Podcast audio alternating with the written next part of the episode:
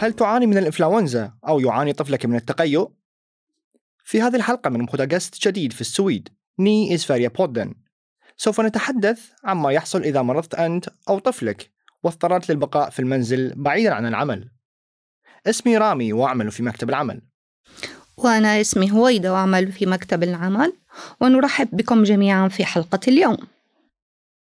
بداية إذا كنت مريضا في المنزل وتعاني من الحمى فنحن بالطبع نتمنى لك الشفاء. نأمل أن يكون لديك دواء وفرصة للنوم لكي تشفى من المرض.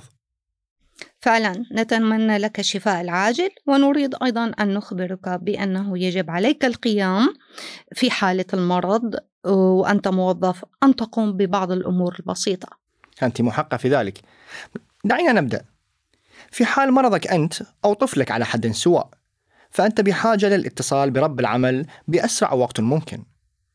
كيف تفعل ذلك بالضبط؟ هذا ما ينبغي عليك التوصل لاتفاق بشأنه مع رب عملك. تماما. تلك هي الخطوة الأولى وهي تبليغ رب العمل بأنك مريض أو طفلك مريض أو ترعى طفلك آه، في الأيام الأولى.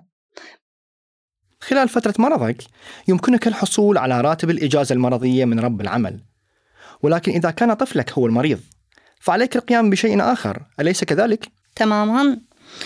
في حالة مرض طفلك فعليك الاتصال بصندوق التأمين الاجتماعي في شكل كاسة. ولقد سألنا محمد القطان الذي يعمل في صندوق التأمين الاجتماعي عن كيفية القيام بذلك وهو يخبرنا.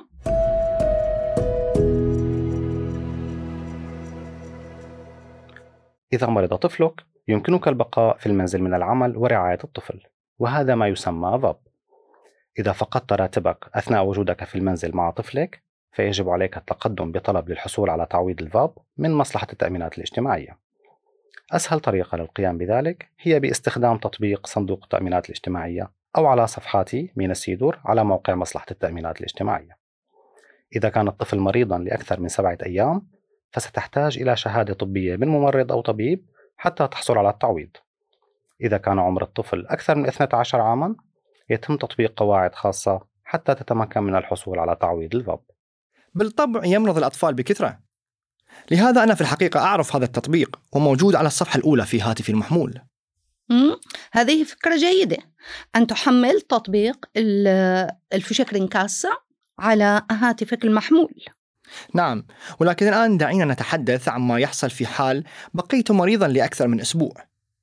إذا فأنت بحاجة إلى تقرير طبي لتستمر بالحصول على راتب الإجازة المرضية.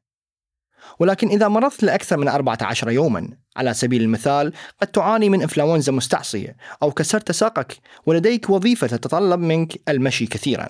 فماذا يحصل بعد ذلك؟ في هذه الحالة يجب على رب عملك أن يقوم بتبليغ صندوق التأمين الاجتماعي في شكل كاسة بذلك بعد ذلك تحصل أنت على النقدية المرضية من صندوق التأمين الاجتماعي بدلا من الراتب المرضي لمدة 14 يوم. لكن ينبغي عليك أن تتذكر القيام بذلك بنفسك يعني أن تقوم بتقديم طلب الحصول على النقدية المرضية عند صندوق التأمين الاجتماعي. سوف نستمع لما يقوله محمد القطان بهذا الشأن.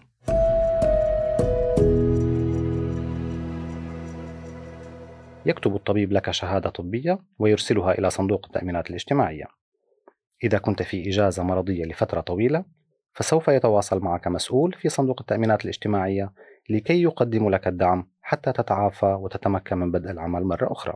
أه، ما تحدثنا عنه للتو حول الرواتب المرضية من أرباب العمل والنقدية المرضية من صندوق التأمين الاجتماعي وما إلى ذلك ينطبق على الأشخاص الذين لديهم عمل إذا كنت تعمل لحسابك الخاص أو تدرس أو كنت عاطلا عن العمل أو تشارك في برنامج ما مع مكتب العمل فقد تبدو القواعد مختلفة تماما. في الموقع الإلكتروني لصندوق التأمين الاجتماعي يمكنك القراءة المزيد حول ما ينطبق تحديدا حولك. وهو كذلك.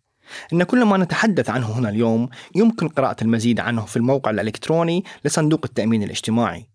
وبالطبع دائما هناك استثناءات مختلفة ولا يمكننا الخوض في كل التفاصيل في هذا البودكاست. لكن الشيء المهم الذي ينبغي علينا أن نتناوله هنا هو ما يسمى أزجيئية الدخل المؤهل للحصول على إعانة المرض. أزجيئي هو مبلغ من المال يتحكم بمقدار الأموال التي تحصل عليها كتعويض عندما تكون مريضا. أو تعتني بطفل مريض أو في إجازة الوالدين ويعتمد حجم أزجيئي الخاص بك على مقدار الراتب الذي تحصل عليه عندما تعمل هل يمكننا تبسيط ذلك قليلا؟ يعني إذا كان راتبي مرتفعا فهل سيكون تعويضي في حالة المرض أو رعاية الطفل المريض أكثر مما لو كان راتبي منخفضا؟ هل يعتمد دليل SGE الخاص بي ببساطة على الدخل الذي أحصل عليه؟ هل هذا صحيح؟ هذا صحيح تماما ولكن ما يفوت الكثيرون معرفته حتى الأشخاص الذين ولدوا وترعرعوا في السويد هو أنه يتعين عليهم حماية دليل أزجيئي الخاص بهم محمد القطان يستطيع إخبارنا لماذا يعتبر ذلك مهما للغاية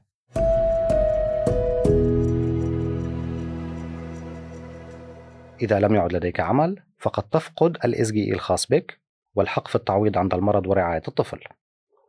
لكن هناك طرق للحفاظ على الإزجي الخاص بك بالرغم من ذلك يطلق عليه حماية الإزجي هناك عدة طرق مختلفة لحماية الإزجي الخاص بك ويقوم صندوق التأمينات الاجتماعية التحقيق فيما ينطبق بناء على وضعك. على سبيل المثال إذا أصبحت عاطلا عن العمل فمن المهم أن تكون مسجلا في مكتب العمل السويدي وأن تبحث عن عمل من اليوم الأول للبطالة. قد يكون ذلك وسيلة لحماية الإزجي الخاص بك. لنفترض أنك أصبحت عاطلا عن العمل فماذا يجب عليك أن تفعله؟ أولا من المهم تسجيل نفسك في مكتب العمل كعاطل عن العمل في اليوم الأول وأن تبدأ مباشرة بالبحث عن وظيفة جديدة. إن لم تعمل ذلك فإن فإنك تخاطر بفقدان SGE الخاص بك. والحق في التعويض إذا كنت مريضا أو تعتني بطفلك المريض أو تقضي إجازة الوالدين. بالطبع هذه مسألة مهمة للغاية بالنسبة لك. نعم. ومن خلال ما قيل أعتقد أن الوقت قد حان لبدء الاختتام. مم نعم أتفق معك. ولكن سوف تحصل على بعض كلمات أخيرة من محمد قطان حول أفضل السبل للتواصل مع صندوق التأمين الاجتماعي في السويد.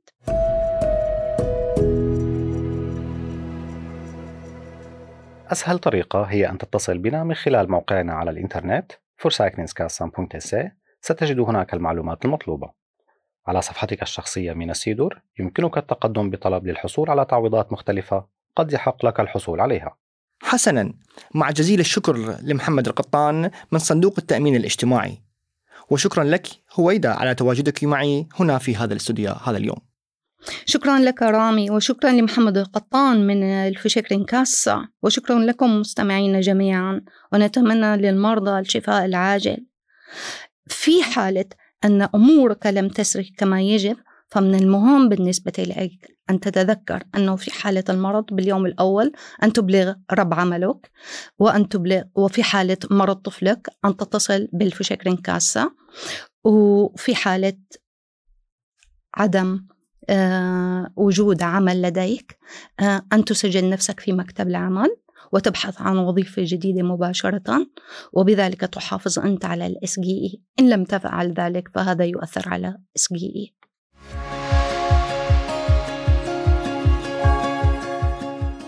لقد استمعت إلى بودكاست مكتب العمل جديد في السويد Ny i Sverige-podd تجد جميع الحلقات السابقة على صفحتنا Arbetsförmedlingens playsida هل لديك أسئلة أو نصائح أو أفكار؟ راسلنا على بودكاست snabel-a تم إنتاج هذه الحلقة في ربيع عام 2023